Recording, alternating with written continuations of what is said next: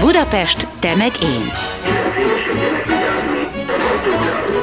A főváros közérzeti podcastja urbánusoknak.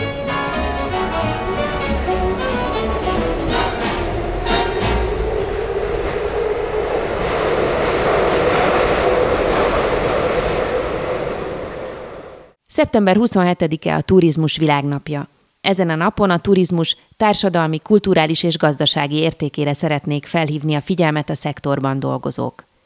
2016 óta létezik a Budapest turizmusáért díj, melyet ezen a napon olyan turisztikai szereplőnek adományoz a főváros, aki belföldi és nemzetközi viszonylatban is jelentősen hozzájárult Budapest vonzóbbá tételéhez. Idén a díjat a Magyar Bokuszdor Akadémia elnöke Hanvas Zoltán kapta. Zoltán szakács pályafutása 1988-ban indult a szakma kiváló tanulója verseny egyik helyezettjeként az akkori Fórum Hotelben. Aztán pár évre Németországba és Franciaországba ment tapasztalatszerzésre, majd visszatért Magyarországra a Kempinski Hotel nyitó csapatába. Később a Zserbóba került, melyet négy év után már társtulajdonosként vezetett. 2013 óta tölti be a Bokuszdor Akadémia elnöki posztját, Vezetésével sikeresen pályázta és nyerte el Budapest 2016-ban az Európai Döntő házigazda címét. Olyan sikeres volt ez a rendezvény, hogy idén ismét mi rendezhettük a verseny európai válogatóját. Jelenleg Hanvas Zoltán a Bokuszdorban végzett munkája mellett a Stand és a Stand 25 éttermek társtulajdonosa. A következő beszélgetést egy nappal azután készítettük vele, hogy megkapta a Budapest turizmusáért díjat. Neked hány díjad meg kitüntetésed van? Biztos vannak ilyenek. Nem vagyok egy nagy kitüntetés számoló, mindig azzal foglalkozom, hogy amit csinálunk, azt jól csináljuk, és hogyha azt esetleg elismerik, az egy nagyon jó érzés. Hát, ha visszagondolok, akkor milyen kitüntésem? Na, azt hiszem, Gundel díjam van, van Proturizmó díjam, van Budapest térdíjam, most van Budapest turizmusáért díjam, úgyhogy egész komoly díj halmaz kezd összejönni otthon a vitrínben, úgyhogy jól állunk. és ezt szerves ezt a Budapest turizmusáért díjat tegnap kaptad. Így van, tegnap kaptam, és nagyon kedves méltató szavakat kaptam Fajks Csabától, és a főpolgármester helyettes asszonytól, úgyhogy és én voltam az egyedüli díjazottja ennek a, nem tudom, újonnan vagy visszahozott díjnak, uh-huh. de egy nagyon-nagyon szép műalkotás, és egyébként maga a díj, amit tegnap megkaptam. Akkor először is gratulálunk. Igen, kell. szeretnénk ehhez gratulálni. Nagyon szépen köszönöm. Ezt, mint a Boküzdor Akadémia elnöke kaptad ezt a, a díjat. Igen, egy hosszú felsorolás van benne a magyar gasztronómiáért, a magyar alapanyagokért, a magyar turizmusért, valamint a Boküzdor 2016-os és a 2026-os európai döntőjének a megrendezéséért. Ráadásul még a csapat is sikeresen szerepelt, nem annyira, mint 2016-ban. Ha az ember egy versenyre indul, akkor az a célja, hogy azt megnyerje.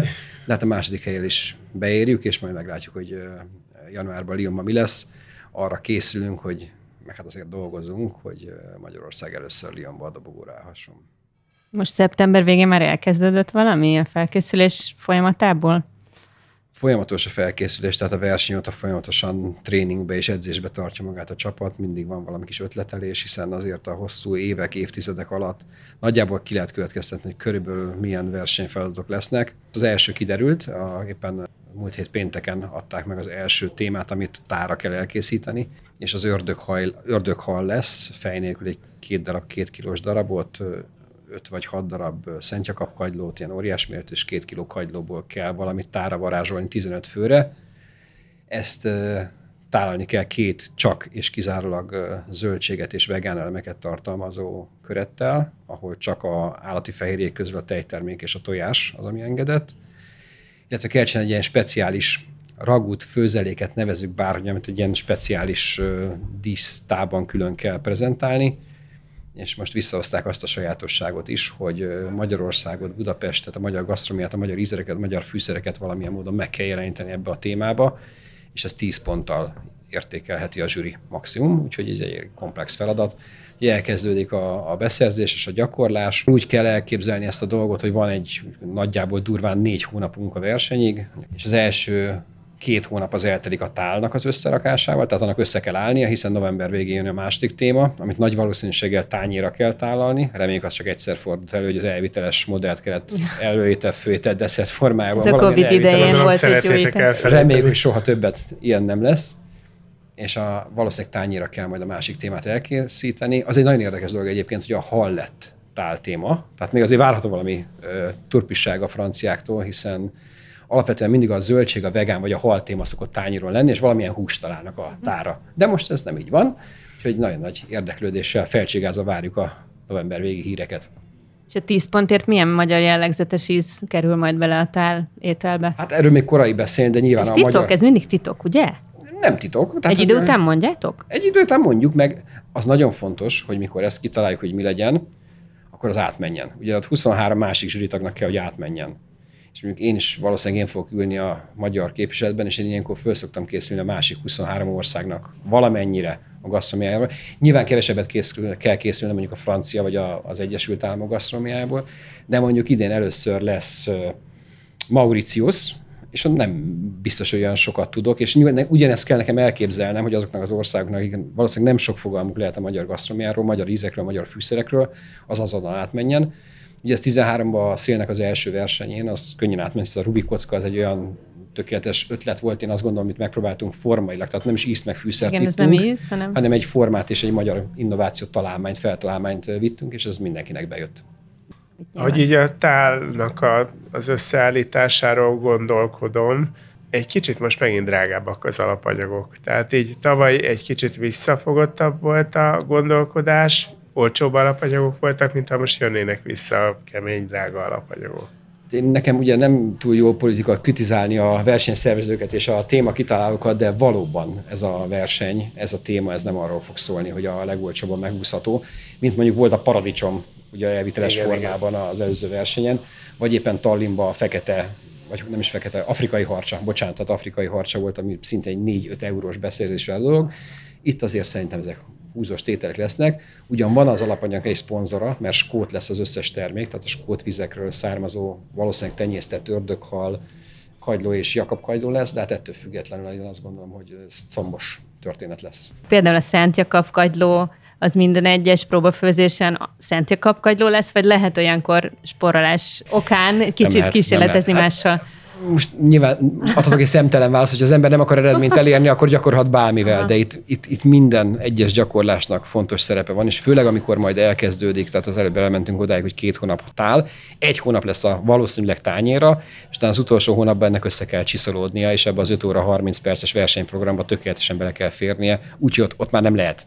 Tehát az olyan szinten be kell gyakorolni, hogy már nem lehet megremegés, ott már tényleg csak a, az apró mozzanatok vannak, polírozgatások vannak, és az utolsó pontokat kell föltenni az íkre az utolsó egy hónapban. Úgyhogy nagyon feszes az a négy hónap felkészülési idő. Ez azt jelenti, hogy hétfőtől péntekig, rosszabb esetben szombatig, napi, nap heti három edzéssel és három felkészülési nappal. Az nagyon érdekes egyébként, hogy a felkészülési nap, amikor mindent olyan állapotba hozunk, mind ahogy másnap a versenyen dolgozunk vele, tehát ott is modellezzük a versenyt, az jóval hosszabb, az kétszer annyi idő, mint maga a verseny. Hisz a versenynek bele kell férni 5 és fél órába. Az előkészület az minimum a duplája, de lehet, hogy a háromszorosa. Mire mindent kimérve gramra a versenyszabályzatnak megfelelően előkészítünk. Szóval az embernek lehet az az érzés, hogy ez egy kicsit visszatetsző ilyenkor, hogy, hogy egy ilyen drága versenyen, ilyen drága felkészüléssel indul egy, egy magyar csapat, szóval erre mit mondasz ilyenkor, hogy áll össze ennek a költségvetése megnyugtató módon? Hát azt hiszem, hogy megnyugtató módon szerencsére van annyi olyan helyzetben vagyunk, és van annyi támogatónk, hogy szerintem ezt abszolválni tudjuk, és lehozzuk ezt a dolgot. Tehát a támogatók is ugyanolyan lelkesek, mint az előző években? Hmm, lehet azt mondani, hogy a Bocuse környékén kialakult egy olyan szponzori kör. Ott ugye itt nagyon-nagyon sokat segít a központi verseny, tehát a Lioni Bocuse verseny, hiszen mi, szinte minden vállalatnak, cégnek, aki ott komoly szerepet vállal, van magyarországi leányvállalata, és ők egyértelműen nem is azt mondom, hogy kötelességüknek veszik, de könnyebben támogatják a minden országban a helyi csapatot, és nem akarom végig sorolni ezeket a cégeket, ez hmm. a honlapunkon vagy bárhol megnézhető, kik a fő támogatói a Boküzdornak. És ők azért nagyon lelkes, nagyon régi partnerek ebben a dologban, de kettőt muszáj kiemelnem, ugye a Hungexpo, aki a helyszínt biztosítja a versenyfelkészüléshez, tehát ott van berendezve a versenyboxunk, ahol gyakorlás folyik, illetve a metró, és mind a kettő a Bokusz Akadémia mellett az első pillanattól kezdve és aranyfokozatú támogatója. De mondjuk az is megnyugtató, ha ilyenkor elmondod, hogy mi az, amit vissza tud hozni ez a verseny, vagy mi az, amit Magyarországnak, magyar turizmusnak, vendéglátásnak ez adni tud. Hát ez szerintem nem olyan, mint a matek. Mert egy kicsit ilyen elitista a dolog, hogyha kívülről nézzük. Hát lehet elitistának nevezni akár, hiszen ez a nyilvánvalóan megdeklaráltan, és én mindig ez volt a véleményem, ez a csúcsgasztronómiai verseny, és ezen a verseny azok induljanak el, akik ezt a mesterséget a mindennapokban csúcs szinten űzik, hiszen hogyha valaki máshonnan kerül be és képviselni egy országot, nagyon messziről kezdődne az építkezés, és én azt gondolom, nem akarok demagógiát mondani túlságosan, de hát, hogy az ilyen eredményekből lesznek azok az eredmények, amik ide irányítják, vagy egy picit helyzetbe hozzák Magyarországot, a magyar gasztromiát, iszonyatos média támogatása van a social médiában, a, a, az élő közvetítésekben, a szponzorok, a híradások.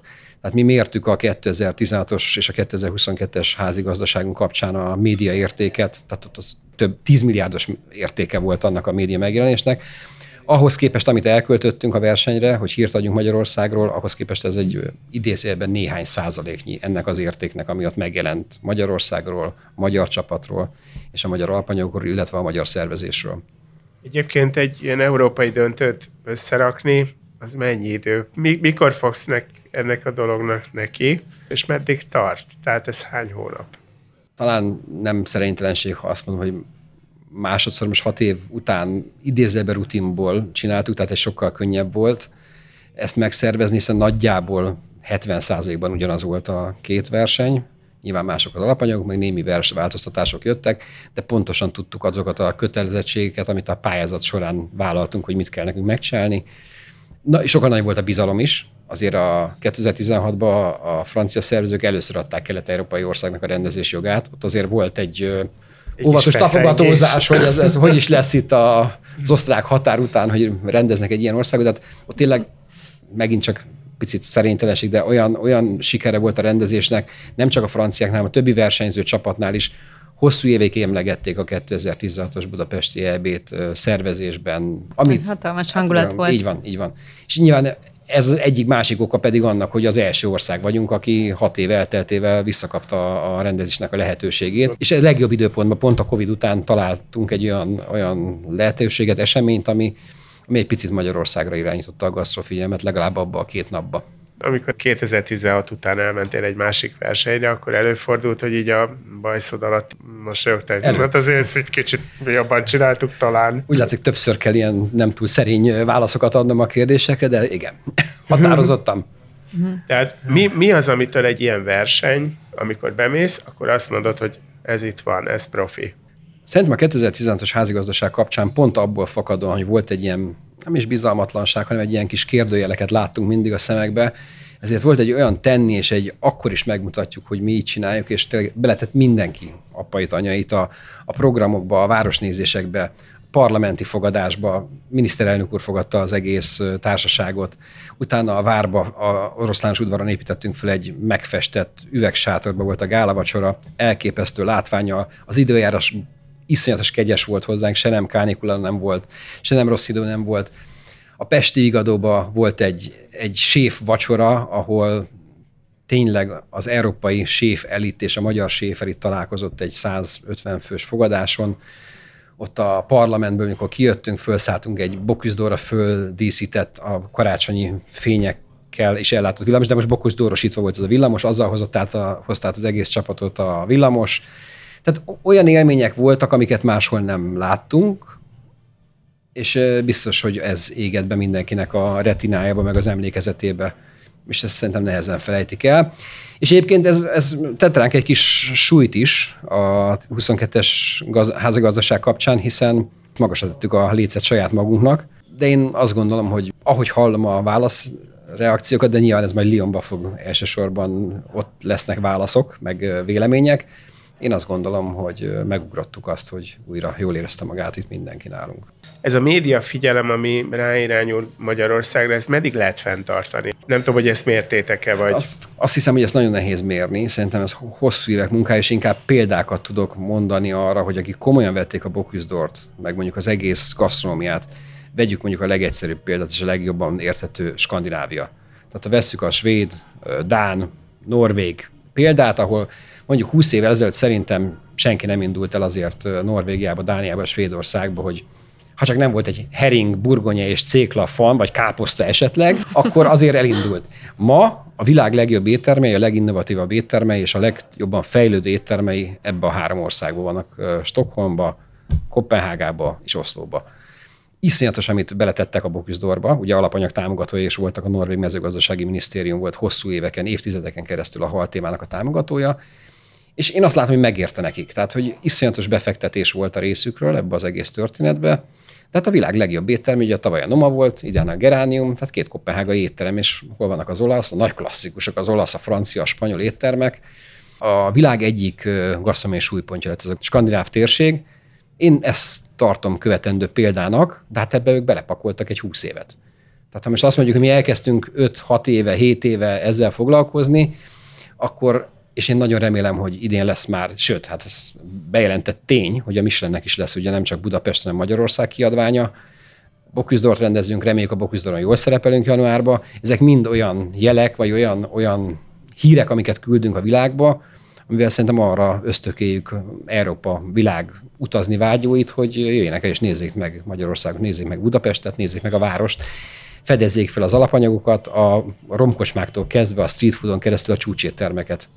Nem is tudom. ez egy, ez egy, igazából ez egy beindult folyamat, ezt lehet azért mondani. Hát katalizálni kéne, én mindig Katalizálni kéne, bár még az elmúlt évek ennek nem nagyon segítettek. Ugye két év Covid, most azért az ára emelkedések, energiaár és élelmiszer emelkedések nyilván nem nehéz helyzetbe hozzák a vendéglátókat a, a turisztikával foglalkozókat. Szóval én igazából ezért is jönnék most Lyonból vissza Budapestre, hogy, hogy kérlek vázolt fel, hogy most hogy látod a helyzetet, kik azok, akik talpon tudnak maradni ebben az időben, és kik azok, akik el fognak bukni. Én ilyen mm, optimista srác vagyok gyerekkorom óta, és én azt gondolom, hogy ha az ember jót csinál, azt megfizetik, akkor azt szerintem életben marad az a vállalkozás. Aki nem jól csinált, nem jól döntött, nem jól beruházott, az szerintem most bajban tud lenni, mondjuk erőseket is tudok mondani, aki az elmúlt tíz évben azért a turizmus a virágkorát érte Magyarországon. Igen. Tehát 19-20 márciusáig itt soha nem látott fejlődés volt turizmusban, vendéglátásban, szállodaiparban, és aki abban a tíz évben csak söpörte a pénzt és vitte, és semmit nem forgatott vissza, és semmit nem modernizált, az biztos most bajba van. Ez persze utólag nagyon könnyű okoskodni, de mi az összes világításunkat, az összes gépészetünket lecseréltük. Mi, csak ledes van, csak mozgásérzékelés világítás van. Minden berendezésünk hővisszanyerős a konyhatechnológiától kezdve a mosogatás technikáig. Nem mondom, hogy ezeket azért csinált, mert tudtuk, hogy majd az árammal baj lesz. Ez inkább ilyen picit ilyen környezettudatos, meg vigyázunk a környezetünkre történetű beruházások voltak. De ezek biztos, hogy nagyon sokat segítenek nekünk abban, hogy ebben a nagyon nehéz energiahelyzetben mit csináljon az ember a konyha gépeinket és a konyha technológiánkat tényleg a 21. század legvégének a technológiai szerint van, amik csak akkor fogyasztanak, amikor éppen van rajta edény, tehát nem fűtjük egész nap a, a területet. Konyhát. Így, tehát a, a, de még a szalamanderünk is indukciós, amit hogyha ráhúzunk, az csak az a fölülről sütő berendezés, amit hogyha berakunk, és még rá akarunk olvasztani egy sajtot, uh-huh. házi hogy példát hozok a meleg szendvicsre, akkor az fölülről csak süti, de az ugye az, ha bekapcsoljuk, az megy non-stop. Ez meg csak ha lehúzzuk a pontból, abban a pillanatban kezdve, viszont iszonyatos hővel, abban a 30 másodpercben működik csak. Szerintem mi szerencsések vagyunk, hogy így gondolkoztunk, de nem, de még egyszer mondom, tehát nehogy a proféta vagyok, és nem azért csináltuk, mert hogy hú, majd akkor három, vagy négy, vagy öt, vagy nyolcszoros gázárat kell fizetni, vagy elektromosan, hanem egész egyszerűen azt gondolt, hogy a, a világnak, a földnek akkor teszünk jól, ha ezeket meglépjük, ezeket a beruházásokat, ezeket a változtatásokat.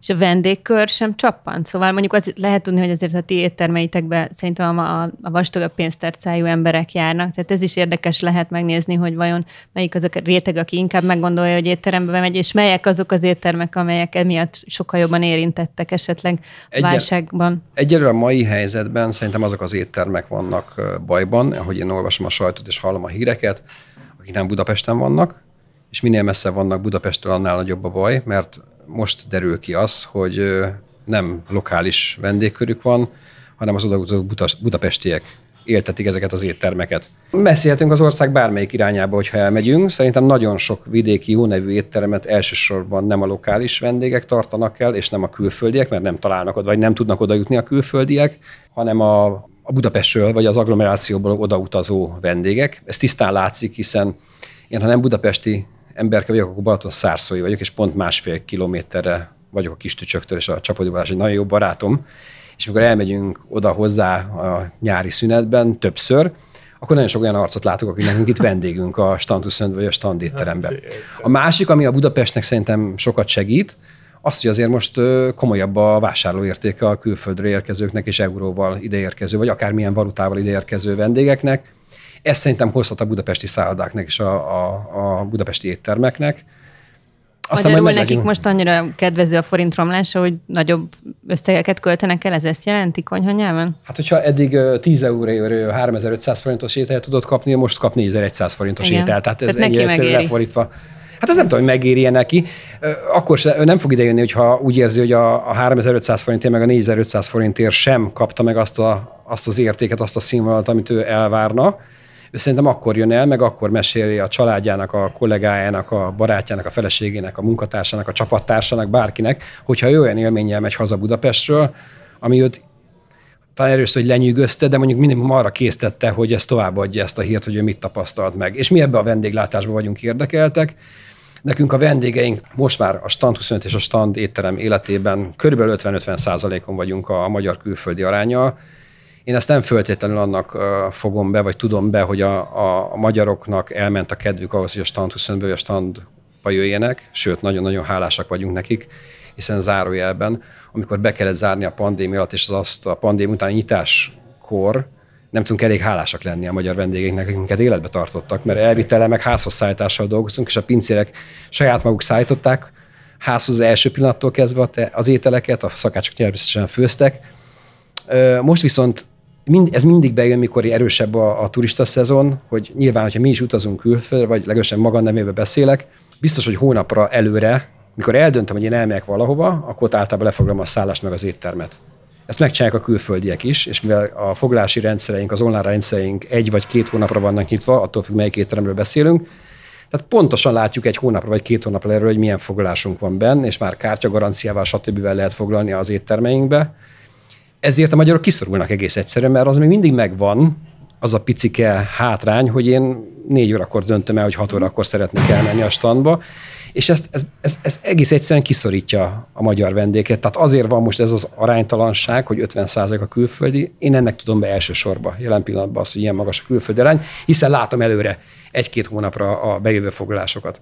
Akkor nektek nem volt ilyen válság tanácskozásotok, hogy mostantól akkor kapcsoljuk le a villanyt, mert hát ilyen nem volt szükség, de egyáltalán szükségetek volt arra, hogy összevijetek és átbeszéljetek a teendőket? Folyamatosan két hetente, ugye négyen vagyunk a cégben tulajdonosak, a két hölgy, kezdem Szula Szabinával és Csahó Kibolyával, ugye egyikük a szervizért, tehát az étel felszolgálásért felelős a standéttel, a másik a konyháért, és a Tamás, Szél Tamás és jó magam vagyunk a fiúk. Egyébként mi az életben is két pár vagyunk, tehát elég gyakran találkozunk, és több évtizedes múltra tekintünk vissza.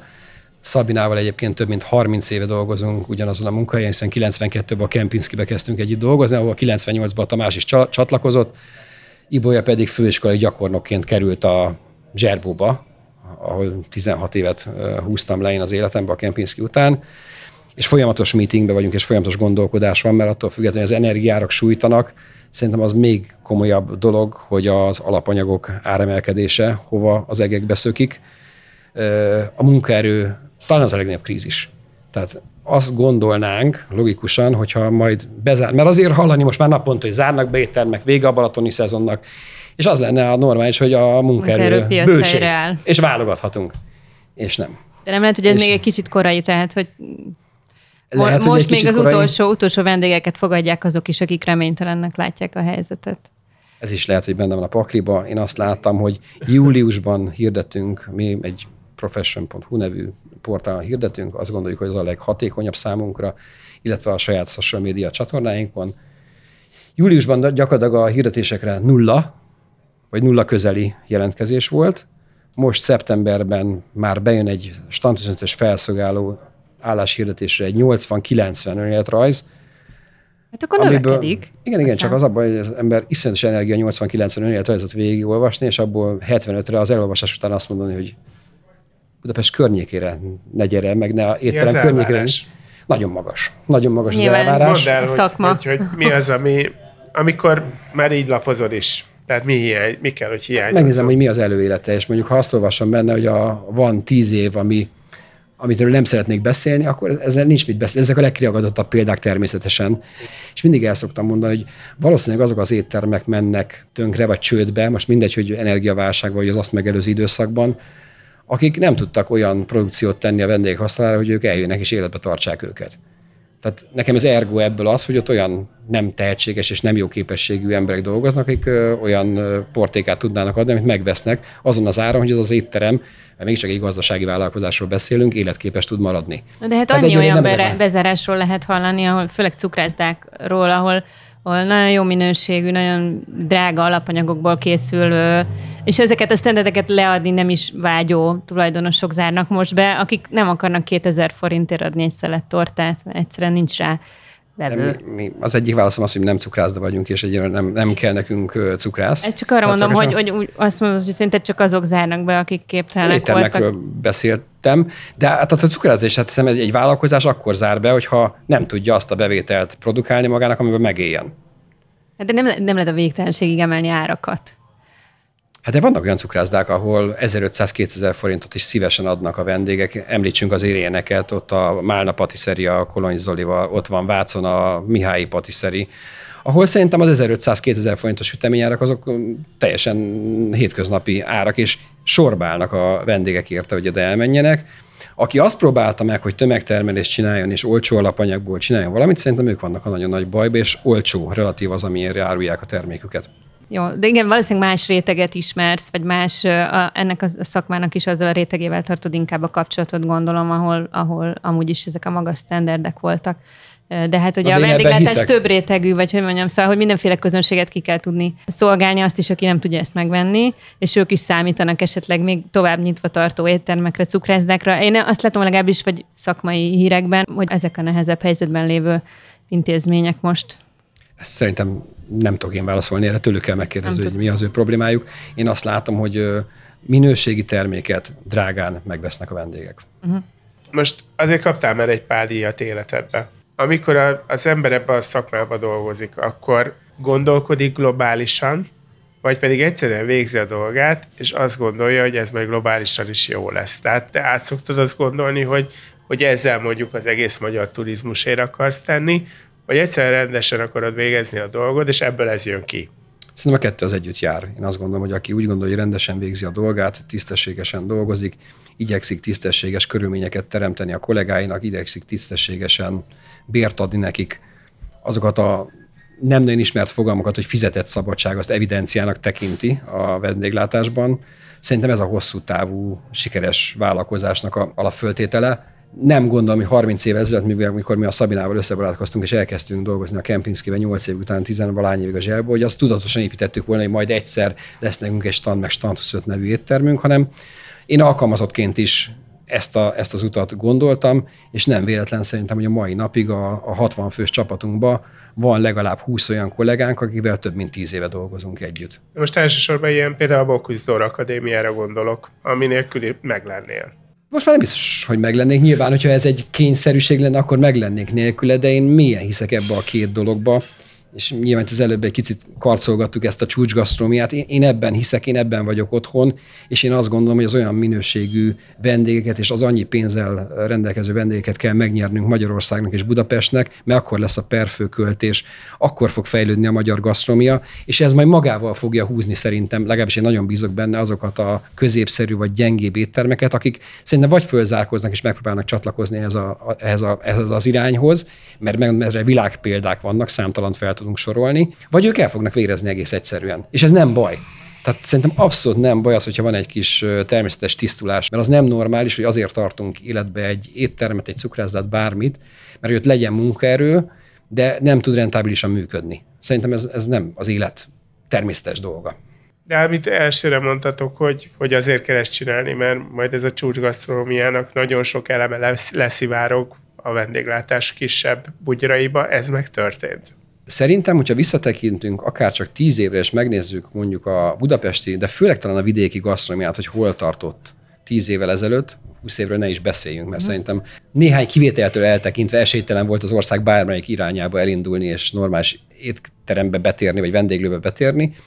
azért ma már szerintem ott tartunk, hogy Budapest centrumból, hogyha bármelyik irányba elindulunk az ország bármelyik útján, akkor egy 50-60 kilométeren belül mindenki olyan étterembe tud elmenni, ami számára szerintem megfizethető és nagyon komoly minőséget képvisel. Szerintem ennek is köszönhető a Michelinnek az a bejelentés, hogy lesz Magyarország Guide, hiszen ez azt jelenti, hogy lesz 50-60-70 olyan étterem, ami már egy ilyen nemzetközi szinten is megállja a helyét, vagy egy nemzetközi összevetésbe is megállja a helyét, és ez szerintem óriási lökés lesz a magyar gasztrómiának. Ezt 23-ra mondják? Nem, ez idén lesz. Ez még. idén még 22-be kijön?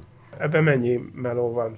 De hát szerintem, kell. én azt gondolom, hogy ez, ez lobby tevékenység az összes magyar étterem tulajdonostól, a séftől, de hát van ennek egy hivatalos magyar szervezete, a Magyar Turisztikai Ügynökségeknek szerintem az a feladata, kötelessége, hogy ő Magyarországról hírt küldjön a világba, és én azt gondolom, hogy a Michelin, a Bocuse ezek azok a, azok a csatornák, amiken keresztül a legjobb híreket küldenünk, hiszen azokat a vendégeket szólítjuk meg, akik a budapesti négy csillagos száldákat és a legjobb budapesti és vidéki éttermeket fogják megtölteni.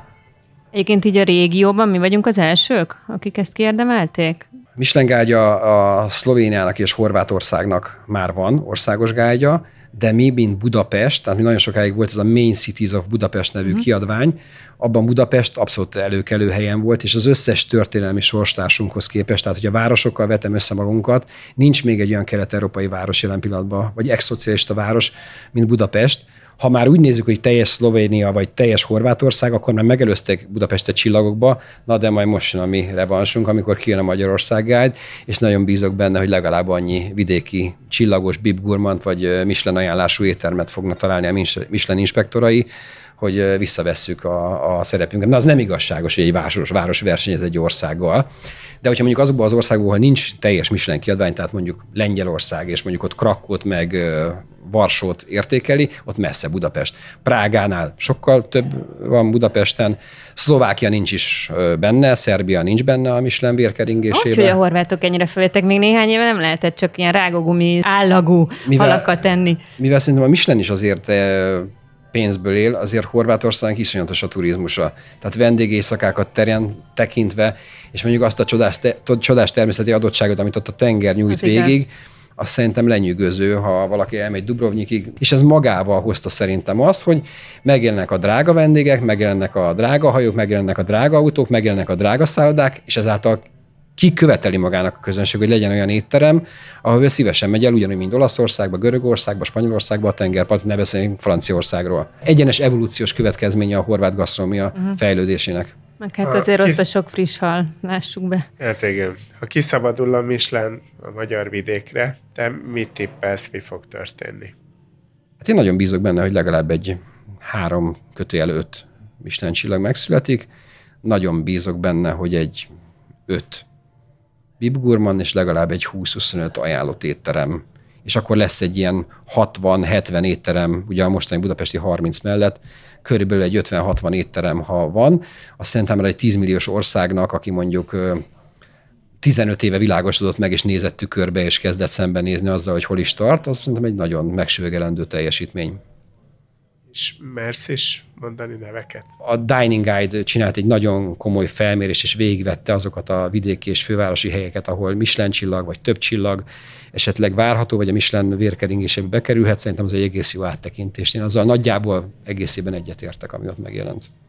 Meg kéne veregetnünk annak a 10-20-30-50 embernek a vállát, aki ebbe hitt, és tényleg szembenéz. Nagyon nehéz volt ám szembenézni ezzel. Tehát én, én már nem az a generáció vagyok, akik a fiatalok, akik 20, jelen pillanatban 20-30 évesek, és azt se tudják, hogy mit jelentett az a borzalom, amit 30 évvel ezelőtt gasztromiának neveztek Magyarországon.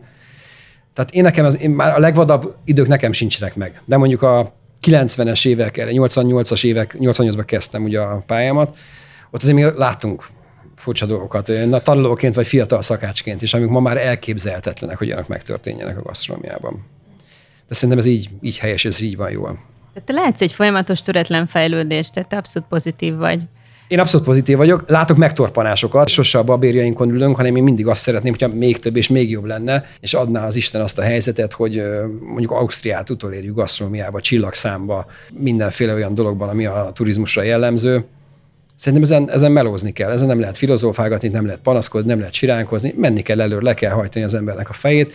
Aztán, mikor jönnek ilyen elismerések, aminek az apropóján most beszélgetünk, ezek tök jó dolgok, egy pillanatra meg kell állni, el kell gondolkodni, és talán még nagyobb erővel tovább kell dolgozni. A magyar alapanyagok pozícióba hozása vagy megismertetése a külföldi szakmabeliekkel is szerepelt a méltatásban, vagy a, vagy a felsorásban, hogy miért kapod ezt a díjat, és ez izgat, vagy ez érdekel, hogy szerinted melyek azok az alapanyagok, melyek azok a területek, ahonnan olyan alapanyagokat lehet vinni, és megismertetni a világgal, ami tényleg akár rövid időn belül is azt fogják mondani, hogy egy jellegzetesen magyar dolog. Hát rögtön egyet mondanék, mert volt egy pár év ezelőtt egy kezdeményezésünk, ami nem halt el teljesen, de nyilván a pandémia nem sokat segített neki, és tényleg nem vagyok panaszkodós, de az tényleg azt tette tönkre szerintem, meg a madárinfluenza volt egy ugye Made in Hungary nevezetű étel párosításunk, amit a legjobb éttermek kell összeülve és megbeszélve, több mint 30 helyen volt, a kacsamáj valamilyen formában hatputonyos tokai asszúval. Uh-huh. Szerintem ez két olyan, ez nem is alap, ez egyik alapanyag, a másik egy,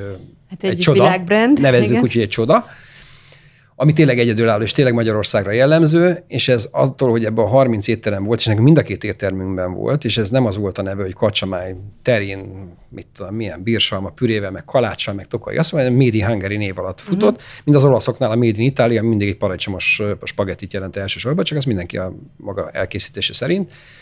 És tehát ez, ez olyan siker volt az éttermekben, hogy ilyen 30-40-50 százalékos kacsamáj, és a tokai kereskedők nem értették, hogy mi történt, hogy uh, egyszerűen, mert hogy megkérdeztük magunktól, a séfektől, hogy te figyelj, mikor ittál utoljára a tokai asszút, hat putonyost? És mondta, hogy basszus, idén nem. Lehet, hogy tavaly se. Ami másik mondta, mint a karácsonykor ittunk majd.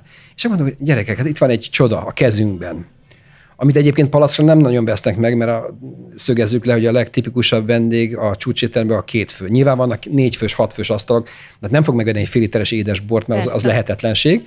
És mivel itt két centet vagy négy centet adtunk, épp hogy, és aki vezetett, vagy bármilyen problémája volt, az is azt, az étkezés elején azt a két cent vagy négy cent tokai asszút, meg a kacsamájételhez. Igen, ez mindig egy előétel kezdőfogás volt és hihetetlen sikere volt. De beszélhetnénk ugyanígy a, a gulyásról. Tehát, hogy ezt mindig el szoktam mondani, és minden interjúban elmondom, hogy hány főlevesező, hány gíroszozó, és hány olyan hely van, ahol mondjuk lángost és gulyáslevest lehet enni Budapesten vagy Magyarországon.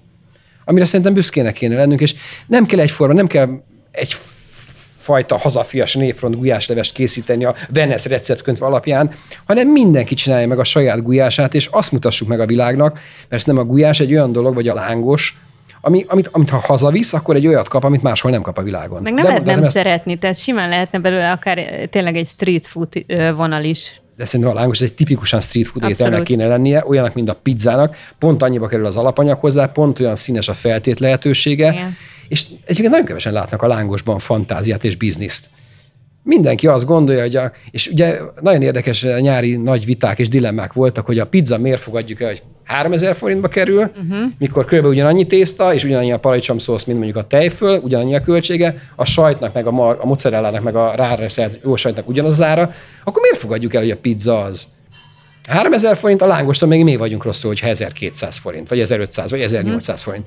És ugye ezek nem voltak válaszok, csak ez így divat azt mondani, panaszkodni, és ilyen, ilyen szerény magyarnak lenni, ilyen kishitűnek lenni, és szerintem ezek igenis olyan, olyan témák, olyan ételek, amikről hírt lehet küldeni a világba, és nekem ezt mondom mindig, nekünk minél több pozitív hírt kell küldenünk ahhoz, hogy elérjük azt a turizmus szintet és azt a gasztronómiai szintet, amit mi szeretnénk, hogy elérjünk. És az se baj, hogy mindkét említett étel hát finoman szólva sem az egészséges konyhához tartozik, ami ugye egy óriási trend ma világszerte.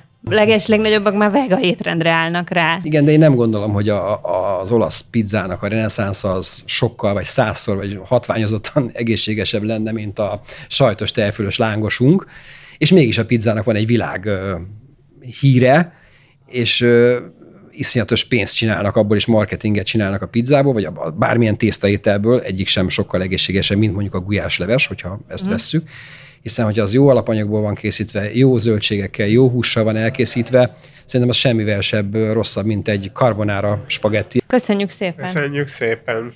Ez volt a Budapest Temelgén Podcast, melyet a Budapest Brand Nonprofit ZRT megbízásából a Kinopolis Kft. készített.